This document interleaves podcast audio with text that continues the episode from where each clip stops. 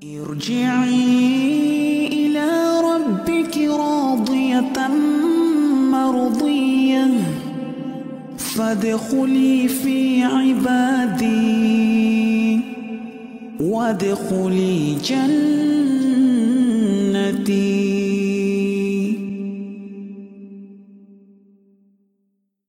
Assalamualaikum warahmatullahi wabarakatuh. Alhamdulillah, alhamdulillahirabbil alamin wa bihi nasta'inu ala umuri dunya waddin. Wassalatu wassalamu ala nabiyina Muhammadin wa ala alihi wa sahbihi ajmain. Amma. Alhamdulillah kita bertemu kembali di kajian favorit kita, kajian Tolibul Ilmi FKUI angkatan 91 yang meneruskan kembali eh, kajian kitab kita, kajian Asyrul Qawaid fi Tazkiyatun Nafs, 10 kaidah penyucian jiwa karya Syekh Abdul Razak bin Abdul Musin Al-Badr. Insya Allah bersama Ustadz kita, Ustadz Dr. Muhammad Nur Ihsan LCMA Hafizahullah Ta'ala dan Alhamdulillah beliau sudah berada di tengah kita. Dan tak lupa Anda ingatkan juga kepada para partisipan adab-adab kajian online kita tolong username itu nama yang dikenali. Lalu kemudian juga uh, video untuk akhwat tolong dinonaktifkan. Siapkan alat tulis untuk mencatat faidah ilmu yang akan disampaikan Ustadz. Dan juga jika ingin bertanya silahkan posting pertanyaan ke moderator ya. Uh, atau gunakan fasilitas resen yang ada di uh, reaction ya itu setelah nanti pemaparan materi dari Ustadz. Baik, kita setelah sampai minggu lalu pada kaidah ke-10 dan insya Allah hari ini kita akan membahas mengenai penutup yang akan disampaikan oleh penulis uh, uh, buku atau kitab ini. Baik, uh, tanpa memperpanjang waktu, Anda persilakan kepada Ustaz Zuna, Ustaz Dr. Muhammad Turisan LCMA untuk memulai kajian pada malam hari ini. Tafadol Maskuro Ustaz. Nah. Bismillahirrahmanirrahim. Assalamualaikum warahmatullahi wabarakatuh. Wassalamualaikum. Alhamdulillah الذي هدانا لهذا وما كنا لنهتدي لولا أن هدانا الله أشهد أن لا إله إلا الله وحده لا شريك له وأشهد أن محمدا عبده ورسوله صلى الله عليه وعلى آله وصحبه أجمعين ومن تبعهم بإحسان إلى يوم الدين أما بعد Bapak Ibu sekalian yang dirahmati oleh Allah Subhanahu wa taala segala puji dan syukur kita haturkan kehadirat Allah Tabaraka wa taala yang senantiasa mencurahkan rahmat dan karunia-Nya kepada kita semua. Memberikan kepada kita berbagai nikmat dan tidak terhitung banyaknya. Di antara nikmat-nikmat yang mulia, nikmat-nikmat yang agung yang Allah muliakan kita dengan nikmat tersebut adalah nikmat talabul ilmi. Kesempatan untuk senantiasa memperbaiki hati dan jiwa kita. Ini sungguh adalah nikmat yang paling mulia setelah nikmat iman yang dirasakan oleh seorang hamba yang diberi kesempatan oleh Allah untuk menuntut ilmu, untuk memperbaiki akhlaknya, untuk membenahi jiwanya, sehingga dan demikian dia akan menjadi orang yang beruntung dunia dan akhirat. Alhamdulillah atas nikmat dan karunia Allah Semoga kita menjadi hamba-hamba Allah yang pandai bersyukur dalam setiap kondisi dan keadaan. Allahumma amin. Kemudian salat dan salam mari kita perbanyak ucapkan untuk Nabi yang mulia Nabi Muhammad sallallahu alaihi wasallam. Allahumma salli ala Muhammadin wa ala ali Muhammad. Bapak Ibu sekalian rahimakumullah. Alhamdulillah pada pertemuan kali ini adalah pertemuan yang sebagai penutup dalam pembahasan kitab 10 kaidah dalam Tazkiyatun Nafsi. Nah, karya Syekh Profesor Dr. Abdul Razak bin Abdul Muhsin Al-Abbad Al-Badr. Hafizahullah. Kita telah mempelajari 10 kaidah yang sungguh sangat berharga sekali. Sungguh sangat ya penting sekali dalam kehidupan kita Mudah-mudahan 10 kaidah tersebut menjadi catatan dalam kehidupan kita menjadi renungan dalam setiap kondisi dan juga di waktu yang sama kita memohon kepada Allah semoga kita diberi kekuatan untuk bisa merealisasikan dalam hidup kita. Allahumma amin. Kemudian setelah Syekh menjelaskan ya 10 kaidah tersebut, beliau mengakhiri dengan al-khatimah sebagai penutup.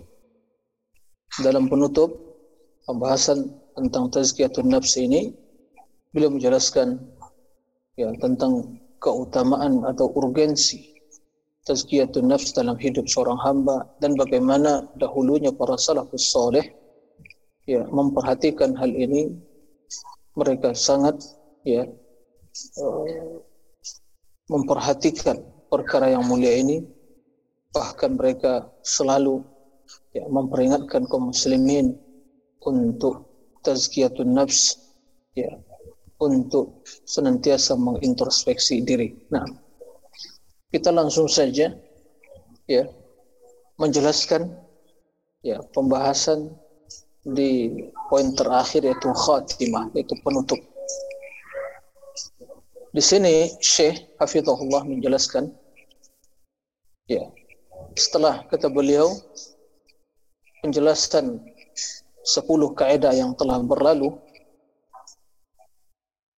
yang biinillah akan membantu seorang hamba akan membantu seseorang untuk mentazkiyah untuk mensucikan dirinya ya untuk memperbaiki hatinya Zahara bijalain hajatun nas ila muhasabah. Ya. Sungguh sangat jelas sekali kebutuhan jiwa hajatun nafs ila muhasabah. Kebutuhan jiwa kita untuk ya kepada introspeksi. Madamat fidaril muhlati wal aman. Selama kita berada di dunia ini tempat ya beramal Jadi 10 kaidah yang telah dijelaskan oleh Syekh Hafizahullah menunjukkan kepada kita urgensi muhasabah dan kita sangat membutuhkan hal itu. Selama kita berada di hidupan dunia ini, kehidupan tempat kita beramal, tempat kita muhasabah. Karena setelah kematian tidak lagi tempat untuk beramal dan muhasabah qabla an yaqif al-insan baina yadayillah sebelum ya manusia akan berdiri di hadapan Allah ya yaumul qiyamah pada hari kiamat. Waqad ahmala islaha nafsihi sementara dia telah ya meninggalkan tidak memperhatikan untuk memperbaiki dirinya. Wa kana sabab halaki sehingga ini itu menjadi sebab kebinasaan dia.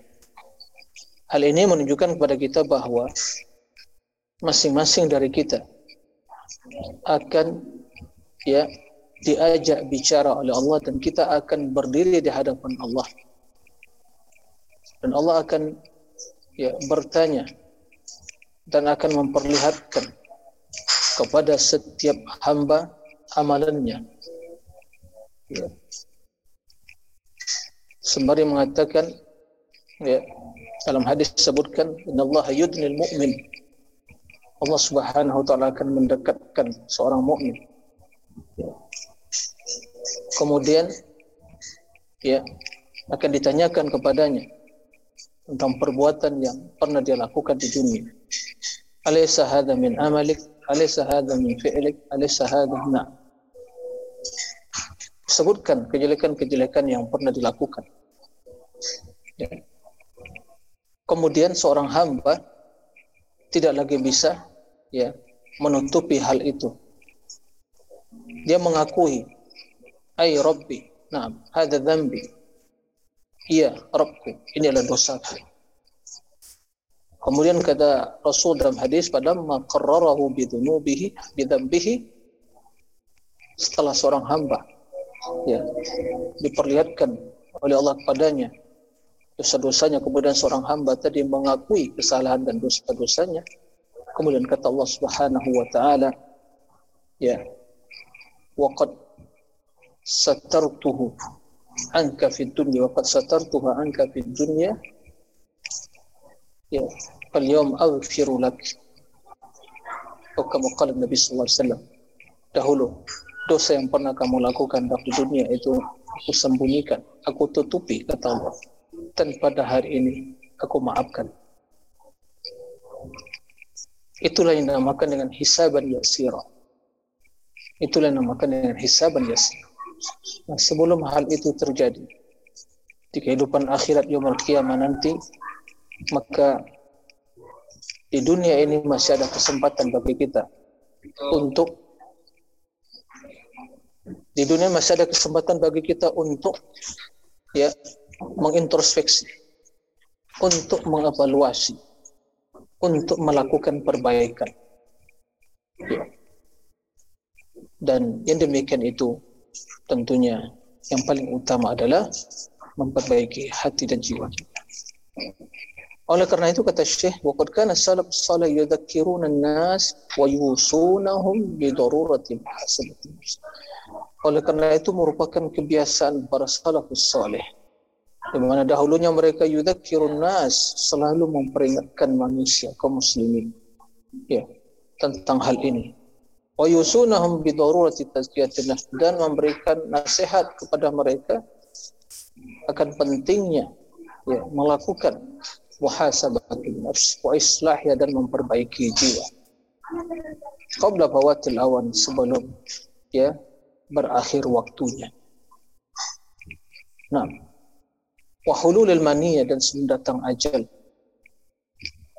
Ini ya jika kita mengakui kita mengakui bahwa sebagai ahli sunnah wal jamaah pengikut para salafus soleh dan di sini syekh pengarang Firullah ya menukilkan sebagian wasiat dan nasihat mereka pada kaum muslimin tentang pentingnya tazkiyatun nafs. Ya. Di sini Syekh menukil ya perkataan empat khulafa Rasyidin Abu Bakar, Om Ali, kemudian sebagian tabi'in. Nah, ada baiknya ya, lebih dahulu kemudian kita terjemahkan ya kandungan dari nasihat-nasihat mereka yang sangat berharga. Ya. Qala al-Khalifah Rashid Abu Bakar As-Siddiq berkata Khalifah Rashid. Itu salah seorang Khalifatul Rashidin yaitu Abu Bakar As-Siddiq rahimahullah radhiyallahu an. I'lamu ibadallah. Ketahuilah wahai hamba-hamba Allah annakum taghduna wa taruhun. Kalian pergi di pagi dan di petang hari. Pergi dan kembali. Itulah kondisi kita. Pagi hari kita pergi keluar untuk bekerja, mencari nafkah. Di sore hari kita kembali. Begitu seterusnya kehidupan kita. Ya, pagi, petang, ya, kembali, pergi, kembali. Ya. Menebar di permukaan bumi ini, mencari rezeki Allah, lakukan ibadah. Fi ajalin qad ghayyiba ankum yang semua hal itu perjalanan manusia tersebut ya fi ajal. Dalam ajal ya yang tidak keluar dari ajalnya qad gujiba ankum. Yang suatu yang tertutup ya, yang tersembunyi dari kalian. Ilmuhu. Ilmu tentang ajal tersebut. Tidak seorang pun yang tahu dia keluar rumah pergi ya sesuai dengan profesi masing-masing. Kemudian kembali lagi dia nggak tahu di mana ajalnya. Nah oleh karena itu kata Abu Bakar As-Siddiq fa in istata'tum an tanqadi al-ajal wa antum fi amalillah faf'al maka jika kalian mampu ya bila ajal kalian telah berakhir sedang kalian berada di dalam beramal dalam amalan ya, beramal karena Allah taati Allah faf'alu lakukanlah hal itu. Nah Walan tastati'u dhalika illa billah. Yang demikian itu tidak akan mungkin bisa kalian lakukan kecuali illa man Allah. Nah, dan ini ya sesuai dengan apa yang dijelaskan oleh Allah, iya karena na'budu, iya kan nasta'in, iya karena na'bud, engkau lah ya Allah yang kami ibadati, wa iya karena nasta'in, dan hanya pada engkau kami memohon pertolongan. Artinya tidak akan mungkin seorang bisa beribadah kecuali dengan pertolongan Allah Subhanahu wa taala. Jadi tidak akan mampu kita melakukan suatu amalan, suatu ketaatan kecuali dengan pertolongan Allah. Karena kita hamba yang lemah, la haula wala quwata illa billah. Tiada daya dan upaya kecuali dengan pertolongan Allah. Begitu juga Rasul mewasiatkan kepada kita ya ihris ala ma yanfa'uk wasta'in bersungguh-sungguh melakukan sesuatu yang mendatangkan kemaslahatan kebaikan bagimu dan mohon pertolongan kepada Allah. Nah, fasabiqu fi muhli ajal maka berlomba-lombalah. Ya. Untuk apa? Fi muhli ajali selama kalian berada di dalam ajal. Ya sebelum datang ajal masih kita diberi kesempatan dan peluang ya oleh Allah Subhanahu wa taala. Maka ber, ber, apa namanya itu berlomba-lomba lah fasabiqu ila maghfiratin min rabbik. Sabiqu ila maghfiratin min rabbik. Wa jannatin arduha ka ardis samai wal ardh وإذا للذين آمنوا بالله ورسوله ذلك فضل يؤتي من يشاء الله ذو الفضل العظيم bergegaslah sabiq ila maghfirah untuk mendapatkan keampunan wa jannatin dan mendapatkan surga arduha ardis sama wal luasnya seluas langit dan bumi yang disiapkan oleh Allah bagi hamba-hamba yang beriman pada Allah dan Rasulnya itulah karunia Allah Subhanahu wa taala Nah, kita harus berlomba-lomba. Fastabiqul khairat. Qabla an tanqadi ajal sebelum berakhir ajal ajal kita Fayaruddakum ila aswa'i amalikum sehingga kalian akan dikembalikan kepada amalan. Ya, belum terjadi hal itu semua dan kita masih ya ajal belum datang, ajal kita belum berakhir, maka hendaklah kita bergegas untuk melakukan amal kebaikan. Fa inna aqwaman ja'alu ajalahum bi ghairi wa nasu anfusahum. Sesungguhnya ada sebagian kaum, sebagian kelompok, mereka menjadikan ajal mereka di ghairihim untuk orang lain. Wa nasu anfusahum. Dan mereka melupakan diri sendiri. Apa maksud? Mereka sibuk ya menilai orang lain, sibuk membicarakan orang lain, sibuk memperhatikan orang lain, sementara diri sendiri tidak diperhatikan. Ya. Ini masalah yang ya serius ya dalam kehidupan mayoritas manusia. Dia berbicara, ya menjelaskan, ya menilai orang lain, ya, menganggap diri yang baik, menilai orang lain, tapi dia lupa terhadap dirinya. Mempersiapkan amal ketaatan, ketakwaan untuk dirinya. Membenahi dirinya. Mengintrospeksi diri dan jiwanya. Nah, dia lupa. Nah, maka sungguh sangat jauh dari kebaikan. Fa'anhakum an takunu amsal maka aku melarang kalian jangan sampai menjadi seperti mereka. Sibuk ya tentang orang lain tapi diri nggak diurusi. Melupakan kemaslahatan dirinya, sibuk mengurusi orang lain. Ya. Falwaha walwaha kata beliau bergegaslah, bergegaslah, bergegas. Thumma najah, thumma najah. Kemudian ya keselamatan, keselamatan, keselamatan. Fa inna wara'akum taliban hafitha sesungguhnya di belakang kalian itu ada taliban yang ya sesuatu yang selalu mencari hati dan berlari mencari kalian membuntuti kalian meruhu seri perjalanannya sungguh sangat cepat sekali apa itu ya al maut Naam, Bapak Ibu sekalian rahimakumullah. Kita ini selalu dibuntuti oleh kematian. Dia berlari dengan kencang sekali. Berlari, membuntuti kita. Kita berjalan dia di belakang kita. Ya. Bila datang ajal, maka akan sampai menjumpai kita sehingga berpisahlah ruh dari badan. Itulah kematian. Nah, sementara yang lain, ya kena ajal atau kematian membuntuti dia selama ini telah sampai kepada orang yang dia buntuti ya diikuti ya berakhirlah kehidupannya dengan berbagai sebab yang ditakdirkan oleh Allah Subhanahu wa taala. Jadi ingat ya di belakang kita terus ada yang membuntuk itu ada yang terus ya memantau memperhatikan Semoga Allah memberikan kemuliaan kepada kita semua. Kemudian perkataan Khalifah Rashidin yang kedua yaitu Umar bin Khattab radhiyallahu anhu. Ya. Dan perlu diketahui ya apa yang dinukil oleh Syekh di sini sungguh sangat tepat sekali untuk menjadi pelajaran untuk kita ikuti. Kenapa demikian? Karena Rasul kita yang mulia SAW setelah memerintahkan umatnya untuk mengikuti sunnah beliau, kemudian kita diperintahkan untuk mengikuti sunnah khulafa rasyidin. Bisunnati wa sunnatil khulafa rasyidin al-mahdiyyin al-ba'di.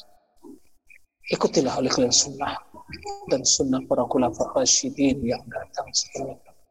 Dan sekarang Syekh menukilkan kepada kita perkataan-perkataan mereka yang mengandung hikmah ya perkataan yang bersumberkan wahyu karena mereka mendapatkan nasihat-nasihat yang mulia ini dari Rasul mendengar Rasul sallallahu alaihi wasallam yang memberikan nasihat-nasihat untayan-untayan hikmah kemudian mereka rangkai dalam ungkapan-ungkapan hikmah yang mereka suguhkan pada kaum muslimin Kata Umar bin Khattab radhiyallahu an, hasibu anfusakum qabla tuhasab.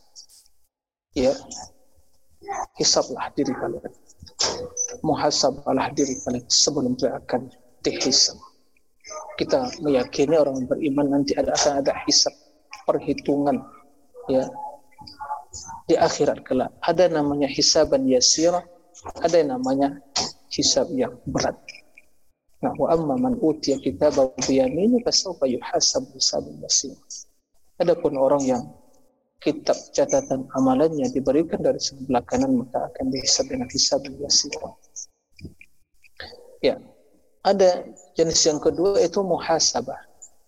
Yaitu ya ditanya oleh Allah Subhanahu wa taala tentang satu persatu amalan dan perbuatannya kemudian tidak dimaafkan oleh Allah.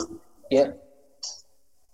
Maka kata Umar bin Khattab, hasib di dunia ini hasib wa anfusakum. Introspeksilah diri kalian. Ya. Sebelum kalian nanti akan dihisab.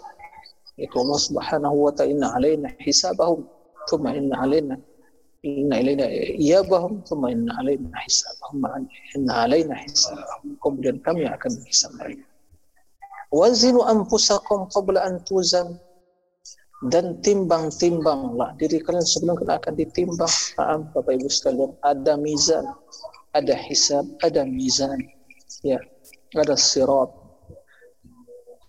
Maka bagaimana kita menimbang-nimbang ya? Apakah timbangan kita berat dalam keimanan, dalam ilmu, akhlak mulia? Atau timbangan tersebut tidak ada pada diri kita di dunia ini? Qabla antuzan sebelum kalian akan ditimbang nah, kita akan ditimbang amalan akan ditimbang catatan amalan akan ditimbang juga ini mizan neraca yang maha adil tidak ada ya kezaliman nah yang betul betul. Adil. Pada hari kiamat.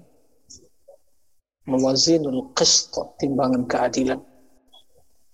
Wa tazayyanu lil ardil akbar dan persiapkanlah diri kalian lil ardil akbar untuk ya akan ditampilkan dihadapkan kepada Allah pada hari yang agung, hari yang besar.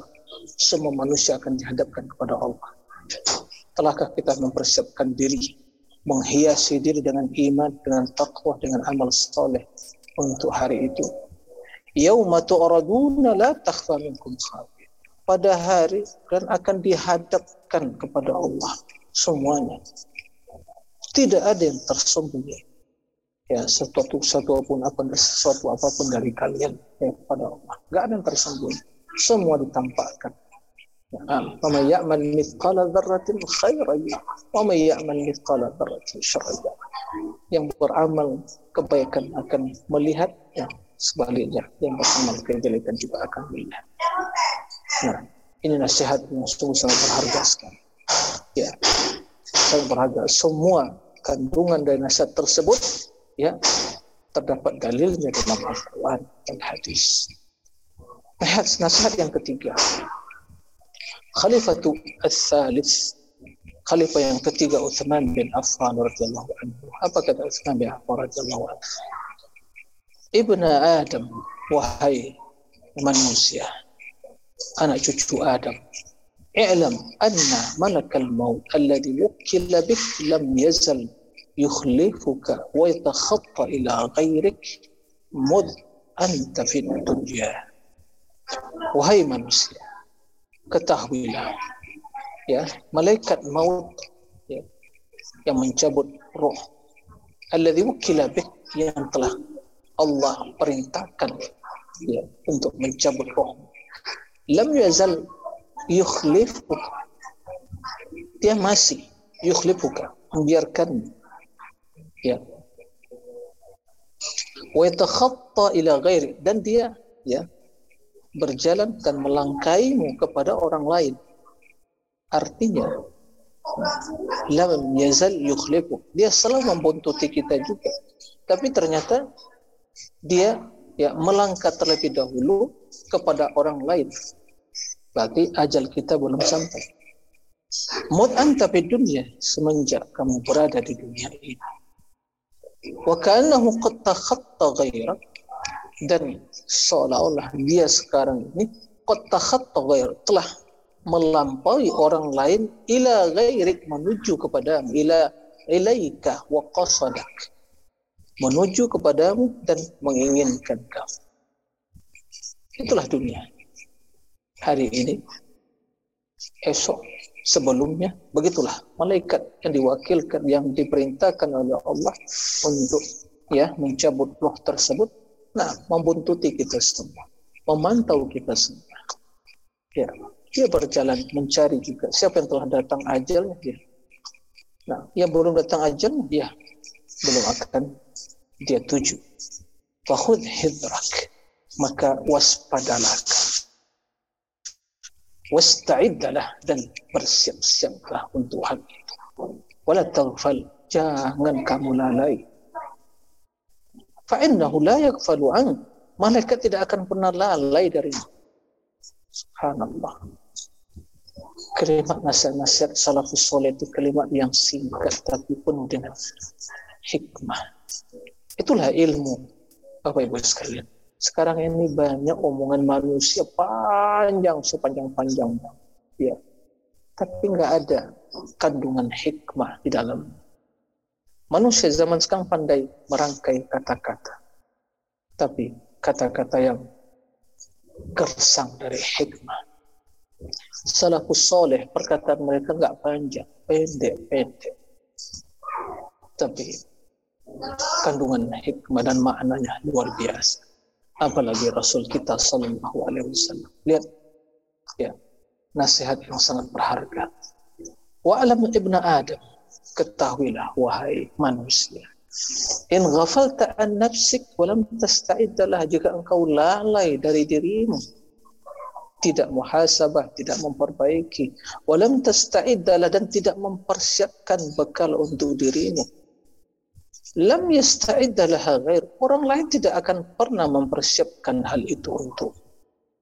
Ya. Wala min liqa'illah dan pasti akan bersua dengan Allah. Semua pasti akan bersua. Oleh karena itu, nafsik.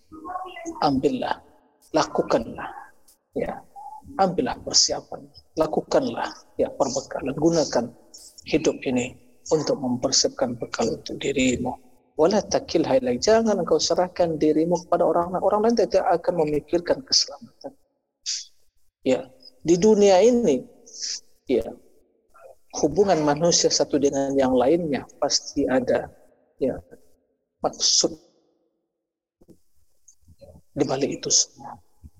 Yang masuk tersebut kemaslahatan bagi mereka yang membangun relasi dan komunikasi. Tapi Allah menginginkan kita untuk kemaslahatan diri kita. Manusia menginginkan kita untuk kemaslahatan dirinya tapi Allah menginginkan kita untuk kemaslahatan, menginginkan sesuatu untuk kita, kemaslahatan kita. Ini perlu dicatat baik-baik. Begitu ungkapan sebagai ulama salaf. Ya. Karena dunia dibangun di atas ya kesepakatan untuk mendapatkan kemaslahatan. Ya, pasti ada masalah. Dunia jarang yang tulus. Ya karena semua itu ya berlandaskan kemaslahatan. Tapi akhirat yang tulus lillah. Taib. Itu nasihat Uthman bin Affan. Nasihat yang keempat, Ali bin Abi Thalib. Apa kata beliau? Ya ayuhan nas, wahai manusia. Inna ma akh inna akhwa wa ma akhaku alaikum tulal amal wa tiba'ul hawa. Sesuatu yang paling aku ya, takuti aku khawatirkan terhadap kalian. Tulal amal panjang angan-angan. Berangan-angan terus. Ya. Watibaul hawa dan mengikuti hawa nafsu. Ini sesuatu yang paling ditakuti oleh Ali ya terhadap kaum muslimin. Fa'amma tulul amal fayunsil akhir. Panjang angan-angan di dunia ini itu akan melupakan akhirat inilah itulah semua beramal ingin mendapatkan sehingga dia lupa akhirat berlari mengejar dunia lupa akhirat. Begitu tentang azab tak bisa beramal sama sekali wa amma tiba'al hawa fayudilu adapun mengikuti hawa nafsu akan menyesatkan manusia dari kebenaran. Subhanallah sahih. Banyakkan manusia di dunia ini ya panjang angan-angan dan mengikuti hawa nafsu. Wa in tuti' aktsara man fil ard yudillukan sabilillah. Ya. Jika engkau mengikuti kebanyakan mayoritas manusia dunia akan menyesatkan kamu dunia. Menyesatkan kamu dari jalan Allah karena kebanyakan mereka mengikuti hawa nafsu. Hati-hati. Ya. Ala inna dunya qad wallat mudbirah. Ketahuilah sungguh dunia ya sungguh akan pergi, sungguh telah pergi Wal akhirah muqbilah dunia akan kita hadapi, akhirat akan kita hadapi. Walikulli wahidin min huma banu masing-masing dari kehidupan dunia dan akhirat itu ada anak-anaknya. Anak dunia, anak akhirat. Fakunu min abna'il akhirah. Jadilah kalian ya di antara anak-anak akhirat. Naam, kita hidup di dunia. Tapi jadilah anak-anak akhirat, penduduk akhirat wala takunu min abna'i dunya. Jangan menjadi ya anak-anak dunia.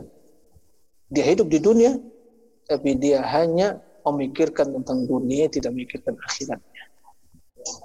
Fa innal yawma amal. Hari ini tempat beramal. Wala hisab. Tidak ada hisab. Belum ada perhitungan. Belum ada ya, pertanggungjawaban. Wa dan hari esok akhirat hisabun. Ya hisab, perhitungan, tanggung jawaban wala amal tidak ada kesempatan untuk beramal. Subhanallah, Bapak sekalian ya, lihat bagaimana ungkapan-ungkapan ulama salaf para sahabat. Kalimat-kalimat hikmah. Dan ini yang harus kita perbanyak ya, baca ungkapan-ungkapan mereka. Tentu ya sebelumnya perkataan Rasul kita yang mulia sallallahu alaihi wasallam. Wa yaqulul Hasan al-Basri, Imam Hasan al-Basri tabi'in, al-mu'min qawamun ala nafsi. Seorang mukmin itu dia selalu qawwam, yaitu memperhatikan dirinya. yuhasibu nafsah. Dia selalu mau introspeksi diri. Wa inna ma khaffal hisabu yawmal qiyam ala qaumin hasabu anfusahum fid dunya. Dan sesungguhnya hisab di akhirat yaumul qiyamah akan ringan bagi kaum bagi mereka yang mengintrospeksi menghisap dirinya di dunia ini. Nah, jika dunia kita masih mengintrospeksi diri, maka kita akan termotivasi untuk beramal, untuk memperbaiki. Jika ada yang kurang dilengkapi, jika yang salah dibenari, kan begitu. Nah, jika yang telah ada yang baik ditingkatkan lagi. Ini di dunia. Nah, jika hal itu kita lakukan di dunia ini, maka hisab di akhirat akan lebih ringan. Wa inna masyaqqal hisab yawmal qiyamah ala qaumin akhadhu hadzal amr min ghairi muhasabah. Sesungguhnya hisab di akhirat kelak akan semakin berat, semakin sulit ya bagi sebagian kaum yang mengambil hal ini, yang menikmati hal ini, itu dunia ini, dunia ini min ghairi muhasabah tanpa melakukan muhasabah. Bapak Ibu sekalian rahimakumullah. Mari ya kita renungi nasihat-nasihat untain-untain hikmah dari para salafus soleh. Wa Maimun bin Mihran juga seorang tabi'in mengatakan la yakunu al-'abdu taqiyan hatta li nafsi li nafsihi ashadda muhasabatan min asy-syariki li syariki tidaklah seorang hamba menjadi orang yang bertakwa sampai dia itu ya sangat memperhatikan ya muhasabah terhadap dirinya. Lebih dari dia muhasabah terhadap mungkin partnernya di dalam berbisnis ya dalam melakukan musyarakah ya kan? Dalam berbisnis usaha kerjasama ya pemodal dengan pekerja. Nah dia saling bekerja sama. Maka seorang dia akan selalu memperhatikan menanyakan ya, jangan sampai harta yang dia, modal yang dia tanamkan hilang begitu saja, dibawa lari oleh temannya. Nah, karena sebagaimana kata sebagian ulama, ya, an-nafsu kasyarikil khawan. Jiwa itu seperti teman yang mengkhianati. Ilam tuhasibuhu dhahba biman.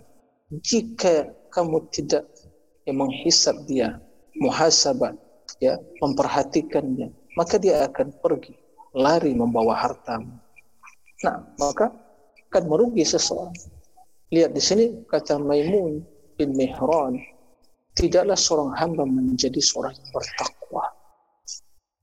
Kecuali bila dia betul-betul mau muhasabah diri. Bahkan ketakwaan yang sesungguhnya merupakan hakikat muhasabah. Ya. Makanya Allah Subhanahu wa taala menyebutkan dalam Al-Qur'an ya alladzina amanu taqullah wal tanzur nafsum ma qaddamat liqadin wattaqullaha innallaha khabirun Wahai orang-orang yang beriman, bertakwalah kepada Allah dan hendaklah setiap jiwa memperhatikan apa yang dia siapkan untuk hari esok dan bertakwalah kepada Allah. Allah mengetahui apa yang kerjakan. Nah, Kemudian kata beliau, yata'akkadu hadzal maqam fi hadhihi azminah dan perkara ini sungguh semakin ya uh, penting semakin bertambah penting bertambah urgen fi hadhil azminah di zaman-zaman seperti sekarang ini allati kathurat fiha al-fitan was-sawarin yang sungguh banyak bermunculan fitnah-fitnah dan yang memalingkan sarana yang memalingkan dari kebaikan. Betul. Bapak sekalian, kita hidup zaman fitnah. Sekarang ini, ya, tua muda, zaman old, zaman milenial, menjadi korban dari apa yang namakan dengan media sosial. Ini ya aib kita di zaman sekarang ini. Siapa yang tidak mengakui hal itu ya mungkin dia ya ya Allah selamatkan dari fitnah yang begitu dahsyat zaman sekarang. Betapa banyak yang namanya media sosial memalingkan dari kebaikan. Jujur hari ini, apakah kita semua telah membaca Al-Quran? Jujur hari ini, apakah bisa dihitung kita membuka media-media sosial yang kita miliki? Tidak terhitung. Pesan inilah, pesan itulah, dan syar'inya syar'i. Tapi Al-Quran, apakah lembaran demi lembaran kita buka dan kita baca. Apakah dikir pagi dan petang hari? Pertama yang kita buka adalah ya, melihat pesan-pesan yang ada di status kita atau di, mungkin ya di berbagai media sosial yang kita miliki. Fitnah luar biasa. Betapa banyak terjadi juga ya, hancur dan berantakan rumah tangga disebabkan fitnah yang media sosial Ya. Luar biasa. Waliyazubillah. Wa azamat syurur Dan sungguh semakin besar, semakin dahsyat kejahatan-kejahatan allati tusawwilul batil lil nufus yang menghiasi kebatilan bagi jiwa kita tuzayyinullah. Menghiasi banyak sekali. Nah, oleh karena itu kita harus waspada. Waktu kan Imam Abdullah bin Mubarak وهو من جلة علماء التابعين يقول في زمانه عن زمانه dan Imam Abdullah bin Mubarak merupakan ulama ya senior dari kalangan tabi'in. Beliau menceritakan menjelaskan tentang kondisi zamannya. Ini zaman Imam Mubarak Abdullah bin Mubarak seangkatan Imam Hasan al-Basri tabi'in yang melihat para sahabat. Apa kata beliau? Inna salihina fi ma madah Berarti beliau berbicara tentang siapa? Tentang sahabat dan senior-senior tabi'in. Inna salihina fi mawa. Sesungguhnya orang-orang soleh di zaman yang berlalu, zaman-zaman terdahulu. Kanat anfusuhum tuatihim alal khairi afwa ya sungguh diri mereka selalu memotivasi dan mendorong mereka untuk melakukan kebaikan dengan mudah sekali. Tidak perlu dipaksa. Menjadi bagian dari kebiasaan dan hidup mereka. Begitu dahulu. Lalu bagaimana dengan manusia di zaman Abdullah bin Mubarak? Wa inna anfusana la takadu tuwatina illa ala kurhin Sementara jiwa-jiwa kita hampir saja tidak mendorong kita melakukan sesuatu kecuali dalam keadaan kurhin terpaksa. Berat rasanya. Dahulu sangat ringan bagi mereka melakukan kebaikan. Jiwa mereka memotivasi. Kenapa? Karena jiwa yang bersih dengan cinta kepada Allah. Jiwa yang bersih. Karena cinta bila bersih di hati akan mudah melakukan amal kebaikan demi mengharapkan ridho ilahi. Nah, karena akhirat yang menjadi orientasi hidup mereka. Akhirat yang dicintai. Nah, mereka lebih mengutamakan akhirat daripada dunia Sementara manusia yang hidup setelah mereka lebih utama dunia daripada akhirat. Kenapa tidak? Ya. Tentunya tidak heran kalau mereka ya jiwanya sulit atau sangat berat untuk memotivasi dirinya untuk melakukan suatu kebaikan dan itu pun kalau dilakukan dengan kondisi yang serasa berat di dalam hati. Bayam bagilana an nukrihaha maka mestilah bagi kita sudah seyoknya untuk kita juga memaksa diri itu agar ya melakukan kebaikan ini. Nah, ini perjuangan. Dibiarkan ya, akan terbiasa dengan hal yang seperti itu.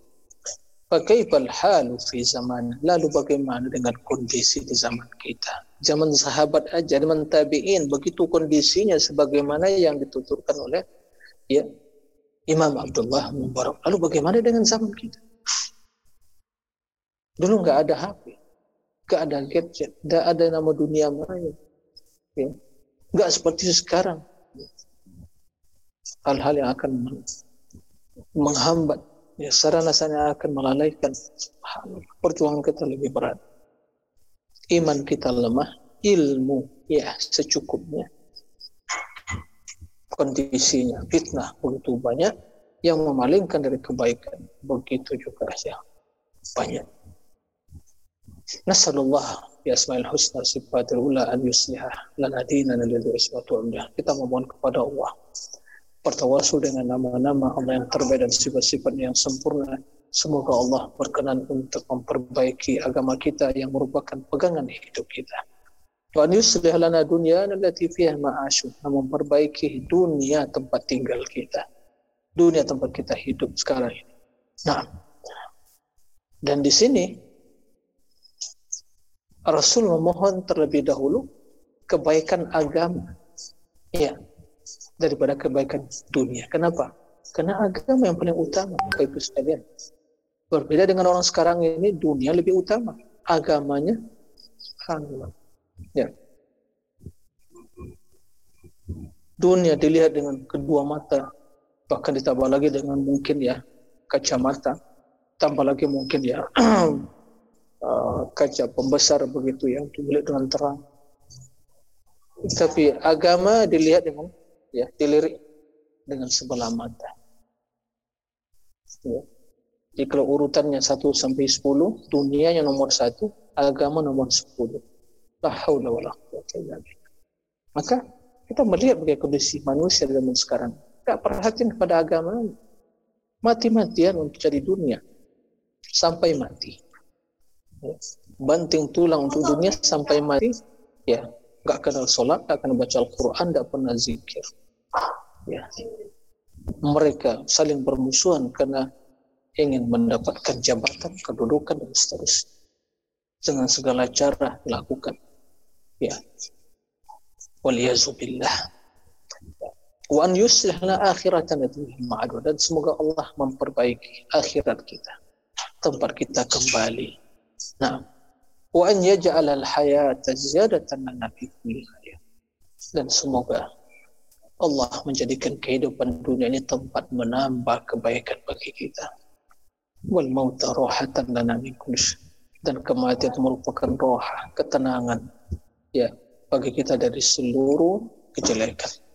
Ini merupakan ya bagian dari doa yang yang di ucapkan Nabi SAW perlu ya kita baca Bible sekali Allahumma aslihna dinana alladhi ismatu amr wa aslihna dunyana allati fiha ma'ashuna wa aslihna akhiratana allati ilaiha ma'aduna.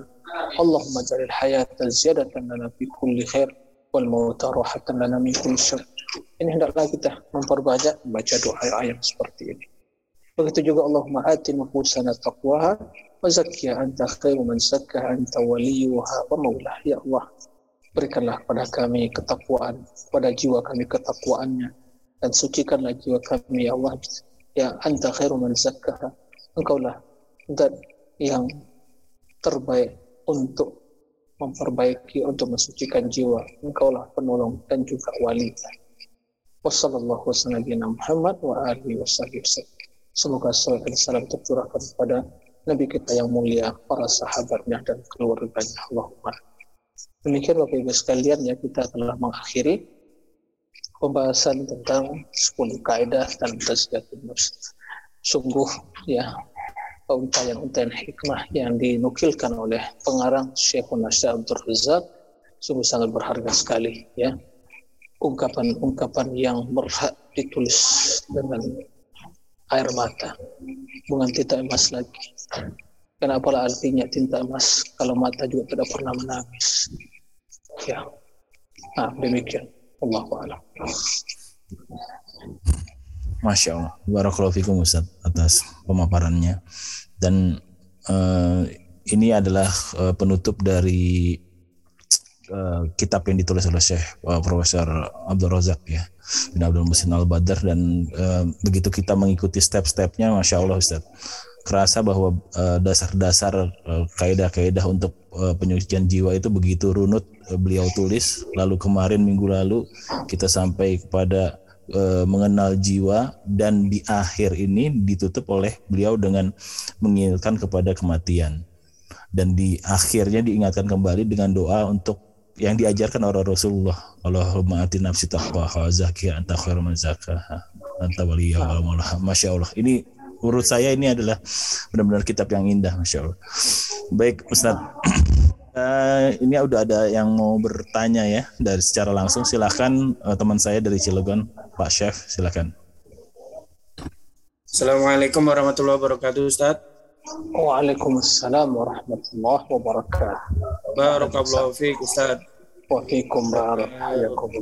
Pertama-tama saya mengucapkan terima kasih ini kepada Dr. Aisy dan juga Ustadz Muhammad Nurisan yang telah memberikan materi ini yang cukup panjang ya. Ada sebulan ya Ustadz ya? Apa lebih? Dari lebih lebih. Lebih. ya. dari karya Profesor Dr. Abdul Razak ini.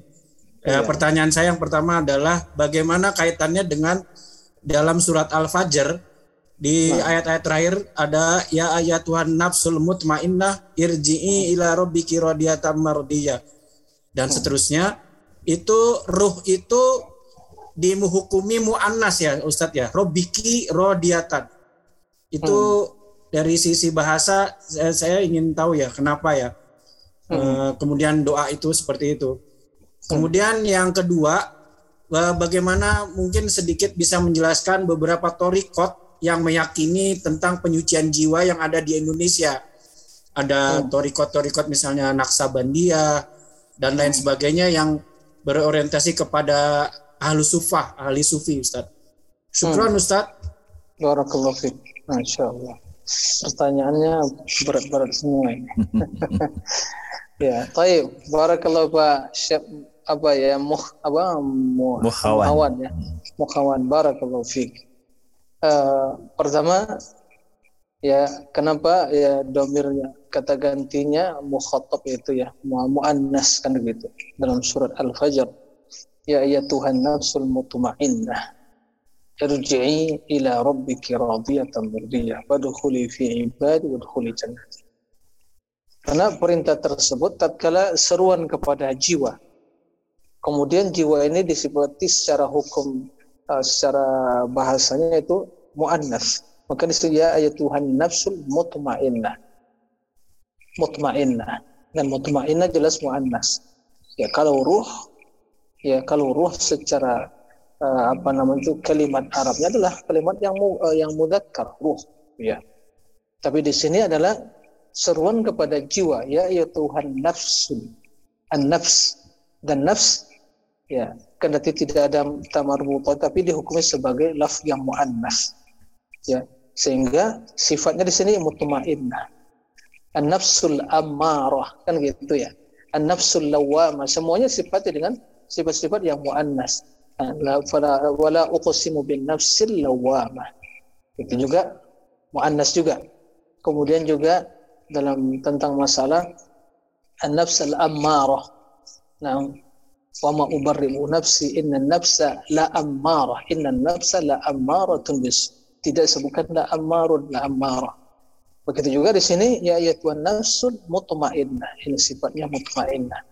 Maka tentu yang sesuai redaksi juga yang se, eh, sejenis ya. Maka irji'i. Nggak cocok di sini irji. Irji'i ila rabbiki. Rabbiki. Karena eh, ki eh, kembali eh, kaf huna rabbiki ya kepada yang nafs mutmainnah tadi. Kembalilah kepada Rabbmu. Wadkhuli fi ibadi wadkhuli wadkhuli jannati nah wadkhuli fi ibadi wadkhuli jannati. Nah itu berkaitan masalah uh, domir di firman Allah irji ila rabbiki. Nah Allahu a'lam. Adapun masalah yang kedua tentang tariqah atau cara metode yang digunakan oleh sebagian kaum muslimin untuk tazkiyatun nafs. Nah, kalau mungkin Pak Syed ya mungkin mengikuti dari awal kajian uh, 10 kaidah ini mungkin uh, bisa di apa lagi ya di di review lagi mungkin pembahasan sebelumnya bahwa kita telah menjelaskan di antara kaidah yang disebutkan Syekh dalam tazkiyatun nafs bahwa dalam tazkiyatun nafs itu wajib untuk mengikuti sunnah Rasulullah SAW. Jadi uswah, kudwah. Maka dalam hal ini ya menjadi uswah dan qudwah kita dalam tazkiyatun nafs, metodenya, caranya adalah Rasul wasallam. Dan pernah kita sampaikan bahwa Rasul wasallam diutus oleh untuk mensucikan jiwa para sahabat dan ilmu dan amal. Nah, laqad manna Allah 'alal mu'minina idh ba'atha fihim rasulan min anfusihim yatlu 'alaihim ayati wa yuzakkihim wa yu'allimuhumul kitaba wal hikmah al-ayat. Allah telah memberikan karunia kepada orang beriman tatkala mengutus seorang rasul kepada mereka. Dan tugas rasul tadi yuzakkihim wa yu'allimuhumul kitaba wal hikmah, mengajarkan Al-Qur'an dan hadis.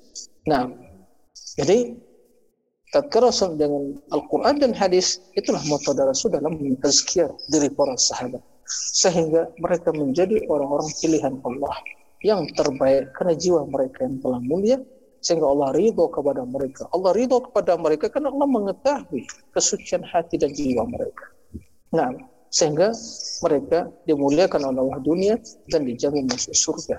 Sehingga Allah katakan kuntum khaira ummah. Kalian umat yang terbaik Begitu juga tatkala ya uh, sebagaimana kata Abdullah bin Mas'ud ya inna Allah nadhara fi qulubil ibad fa wajada qalba Muhammadin khairan Allah perhatikan hati-hati para hamba kemudian mendapatkan hati Muhammad SAW yang terbaik yang suci.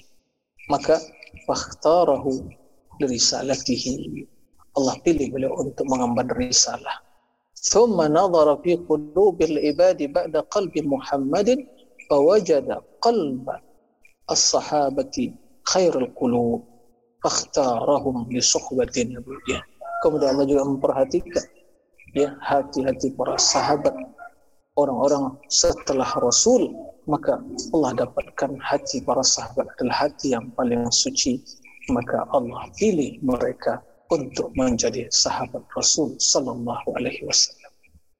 Apa standar pilihan Allah adalah hati. Nah, oleh karena itu kata Abdullah bin Mas'ud, para sahabat itu adalah orang yang paling bersih hatinya setelah Rasul SAW. Nah, mereka kenapa bisa menjadi orang paling bersih? Ya, karena mereka dididik oleh Rasulullah Al-Quran dengan hadis.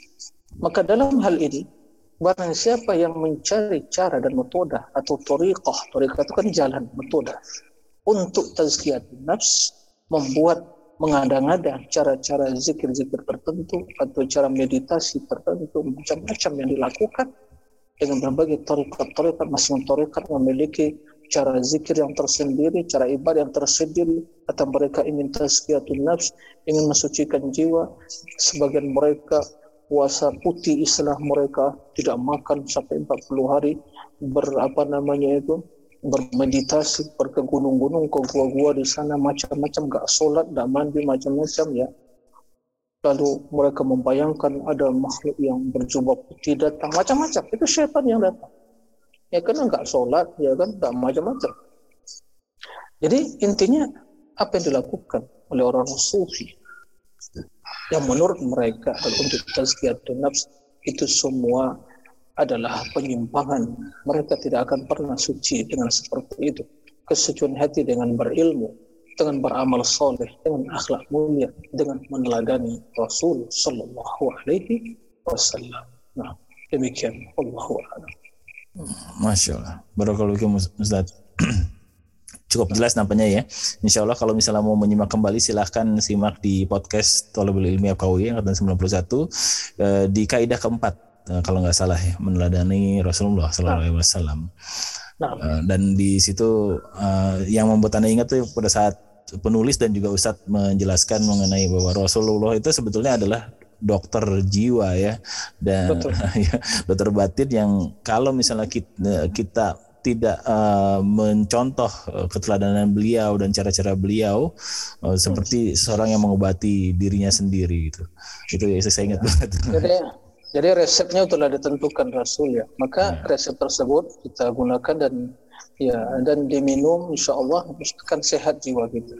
Hmm. tapi kalau mengambil resep yang lain ya para dokter lebih tahu kan sakitnya sakit mata nanti kasih resep obat gigi. Kan gitu kan tidak tepat ya kan? Repot nah, repot ya. Nah begitulah mungkin umpama baik Ustaz. sebelum uh, ke pertanyaan lang secara langsung ini sudah banyak yang di kolom chat saya bacakan dulu ya sementara ini. Nah, Ada seorang akhwat nih Ustaz. Uh, Assalamualaikum warahmatullahi wabarakatuh Ustaz yang dirahmati Allah Subhanahu wa taala. Saya seorang janda yang sudah dua kali menikah. Qadarullah lama pernikahan hanya terhitung dua bulan. Saya ingin sekali mengobati hati saya yang berpenyakit ini. Kadang eh, merasa hidupnya sangat menderita karena takdir. Sementara saya tahu pasti banyak orang lain yang ujiannya pasti lebih berat dari saya. Dan sadar bahwa setiap musibah itu akibat dosa saya sendiri. Eh, bagaimana dengan hati saya ini agar bisa ikhlas Ustadz menerima takdir yang Allah Subhanahu wa taala eh, berikan kepada saya. Karena kadang-kadang saya mendengar pembicaraan dari orang-orang di sekitar yang tidak mengenakan hati saya. Mungkin tips-tipsnya Ustadz supaya eh, beliau bisa menerima takdir ini gitu. nah. Silakan Ustadz. Ah, baik. Terima kasih atas pertanyaannya. Ya, sebagaimana yang kita yakini dan kita maklumi bersama bahwa segala sesuatu pasti eh, tidak terlepas dari takdir dan keputusan Allah Subhanahu wa taala. Ini kita yakini semua. Tentu ada sebabnya. Takdir tersebut bukan tidak ada sebab, gitu ya. Berbagai sebab yang mungkin yang dilakukan oleh manusia itu sendiri sehingga menjadi sebab ya takdir itu terjadi. Sebelumnya dia tidak mengetahui apa yang akan terjadi, tapi begitu dia melakukan sesuatu, kemudian ada efeknya, maka apa yang dia lakukan adalah takdir dan juga efek dari takdir dari yang dilakukan juga merupakan takdir. Nah dalam hal ini, jika yang demikian itu merupakan ya eh, kesalahan seseorang hamba, seorang hamba, kesalahan, dosa, kesalahan pada Allah atau kezaliman pada orang lain, atau mungkin jiwa yang selama ini mungkin uh, tidak dibenahi misalnya, lalu muncul hal-hal yang seperti itu, maka dalam hal ini tentunya ya dia harus introspeksi diri. Nah, harus introspeksi diri. Dia harus introspeksi diri, kemudian dalam hal itu dia berusaha dan tidak jangan pesimis tapi optimis. Karena kendati hal itu terjadi masih banyak jalan-jalan kebaikan ya. Jalan kebaikan yang uh, Allah berikan Allah berikan kemudahan untuk uh, menuju kemuliaan tersebut. Adapun ya uh, pembicaraan orang ya, pembicaraan manusia tentang dirinya tentu yang demikian itu ya tidaklah akan merubah status tidaklah akan ya menambah dari apa yang sesungguhnya juga tidak akan mengurangi dari apa yang sesungguhnya. Nah, tapi tentunya kita memaklumi secara kejiwaan ya mendengar sesuatu omongan yang tidak baik atau mungkin ya tentang diri kita pasti secara kejiwaan kita merasa sesuatu yang ya menyakiti hati. Tapi ingat, ingat jika kita meyakini bahwa apa pun yang dilakukan oleh manusia, apa pun yang bicarakan tentang diri kita, tapi kita meyakini dan jujur kepada Allah bahwa kita selalu berusaha untuk melakukan yang terbaik yang mendekatkan diri kita kepada Allah Subhanahu wa taala. Maka ingat prinsip dalam hidup ya seperti itu. Kalaupun kita dengar masuk kanan keluar kiri dan yakin apa pun yang ingin dilakukan oleh manusia untuk mencelakakan kita untuk ya mencemari nama baik kita maka tidak akan berubah satu sisi Allah Subhanahu wa taala.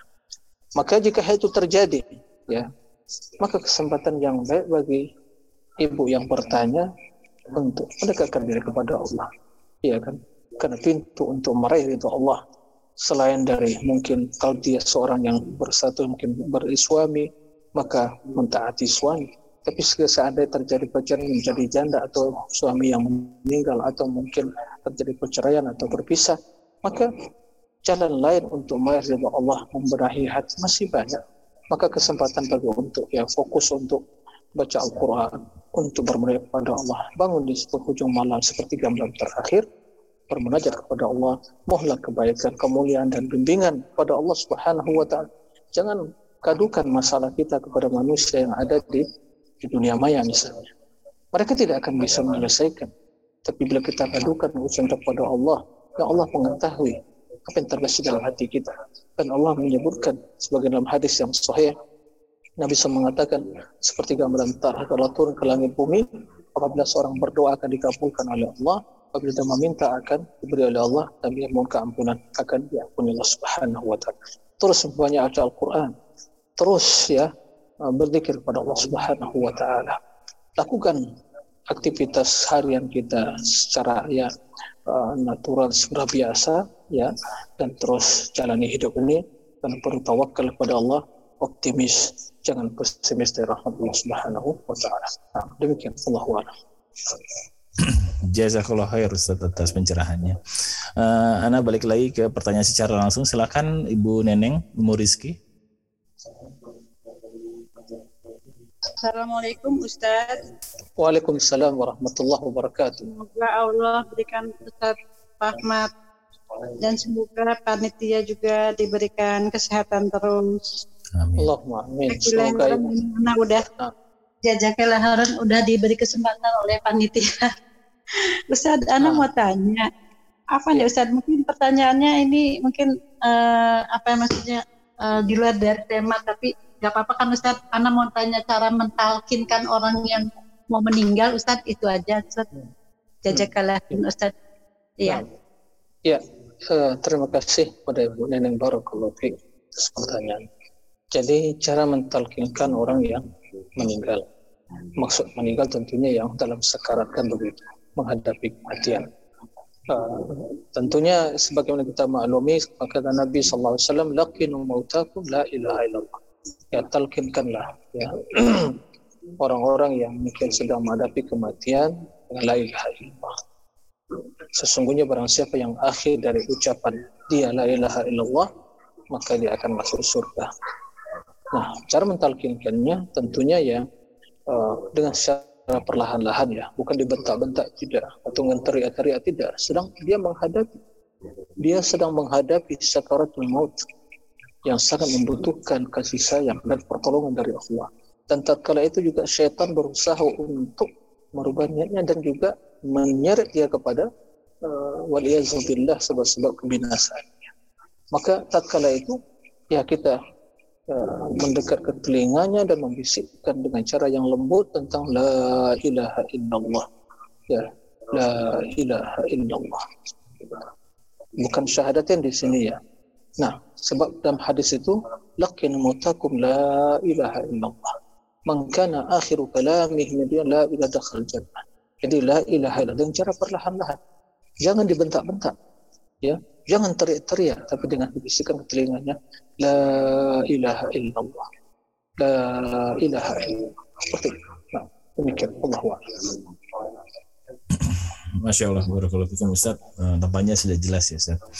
Nah, baik saya beralih ke pertanyaan di kolom chat lagi. Ini mungkin menyambung pertanyaan dari eh, Pak Chef tadi ya mengenai eh, tarikat-tarikat sufi gitu. Tapi ya saya agak rubah dikit supaya lebih eh, berbeda ya dibandingkan tadi. Jadi eh, apakah pencucian jiwa ini bisa dilakukan eh, dalam keramaian atau dalam jamaah Ustaz atau eh, harus dalam kesendirian atau bersunyi diri Ustaz? Baik. Ya, perlu kita pahami bahwa sebagaimana yang telah jelaskan. Ya, materi utama untuk pensucian jiwa tersebut adalah ilmu, amal soleh, akhlak yang mulia. Ini secara global tentunya. Dan ini kita lakukan bisa dalam kesendirian kita, bisa depan orang di halayak ramai, ya. Kalau dalam keadaan sholat berjamaah, nggak mungkin kita sholat sendirian. Laki-laki berjamaah, ya kan begitu. Dalam majelis ilmu, ya kita majelis ilmu pasti berjamaah.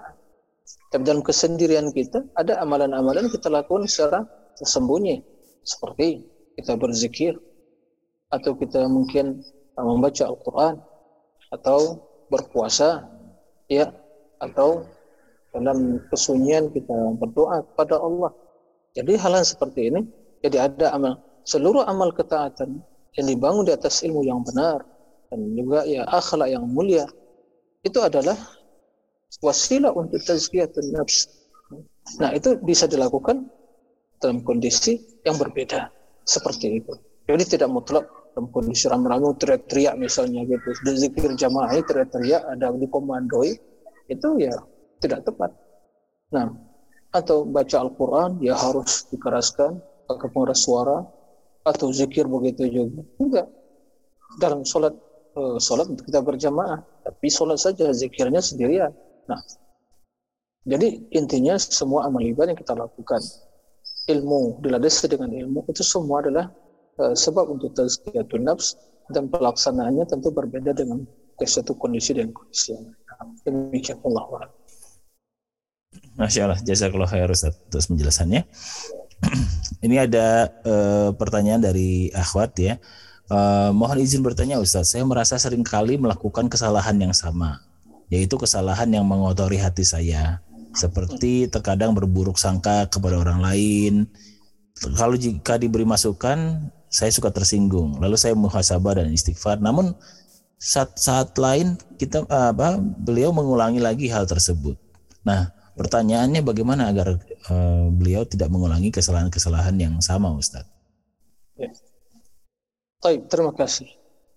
Uh, dalam hal ini, para ulama menyebutkan bahwa suatu kebaikan itu membutuhkan pembiasaan.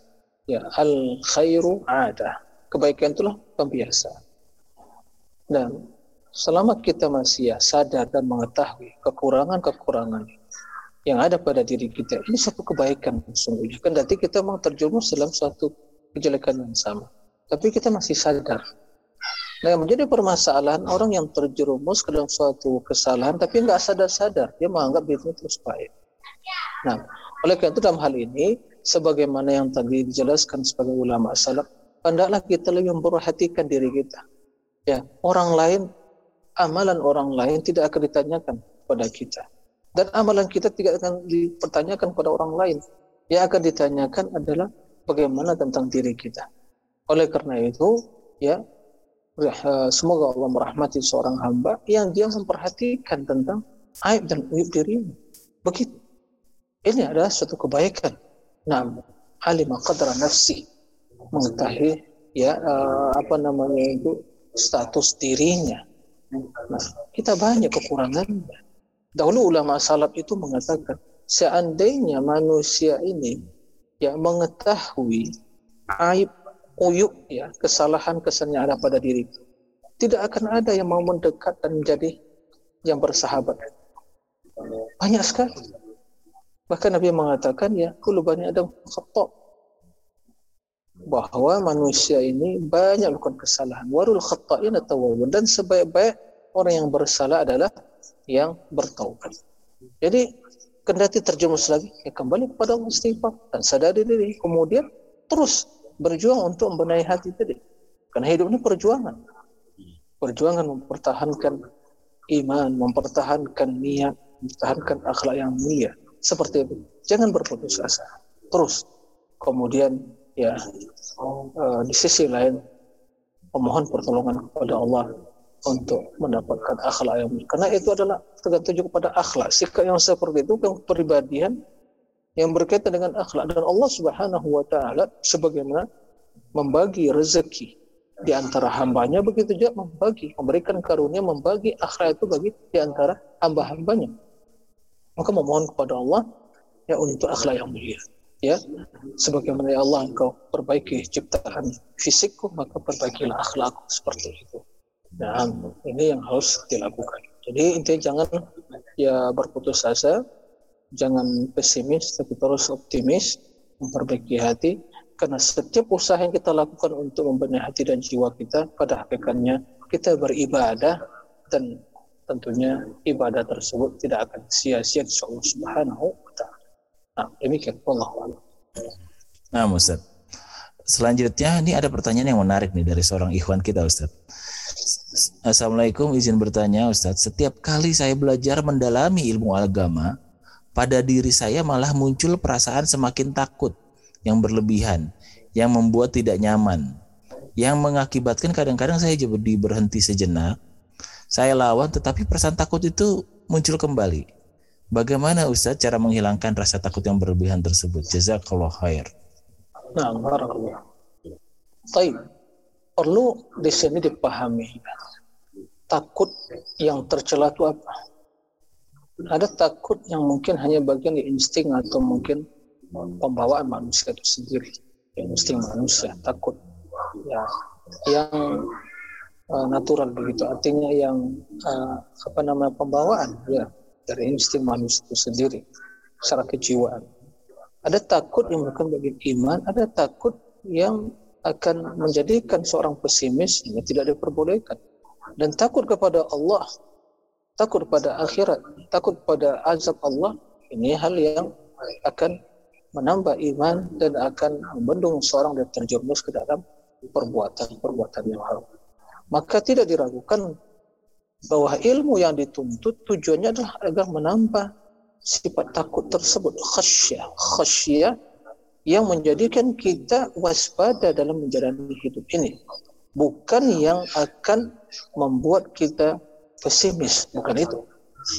Karena dalam hidup sebagaimana kita jelaskan sebelum pernah juga sampaikan harus bisa ya uh, dibangun sikap optimis ya harapan dan juga harus ada sifat takut sehingga terjadi keseimbangan stabil perjalanan hidup. Kalau hanya takut saja tidak berharap pada Allah ini akan jadi pesimis. Kalau hanya berharap saja nggak takut maka akan bisa kebablasan seperti itu maka harus ada sifat takut dan sifat berharap tadi nah ilmu yang kita pelajari karena ilmu mengajarkan kepada kita tentang Allah tentang Allah Maha Agung, Allah Maha Besar, Allah Maha Mulia, ya Allah Maha Perkasa. Kemudian bagaimana azab Allah, sanksi Allah memberikan pada pelaku dosa dan bagaimana alam semesta ini ciptaan Allah. Itu akan menanamkan pengagungan dan akan takut kepada Allah sehingga dia berhati-hati. Nah, begitu juga karena ilmu mengajarkan kita tentang hukum-hukum Allah, kita waspada, kita uh, jaga batasan-batasan Allah, takut terjerumus perbuatan yang haram.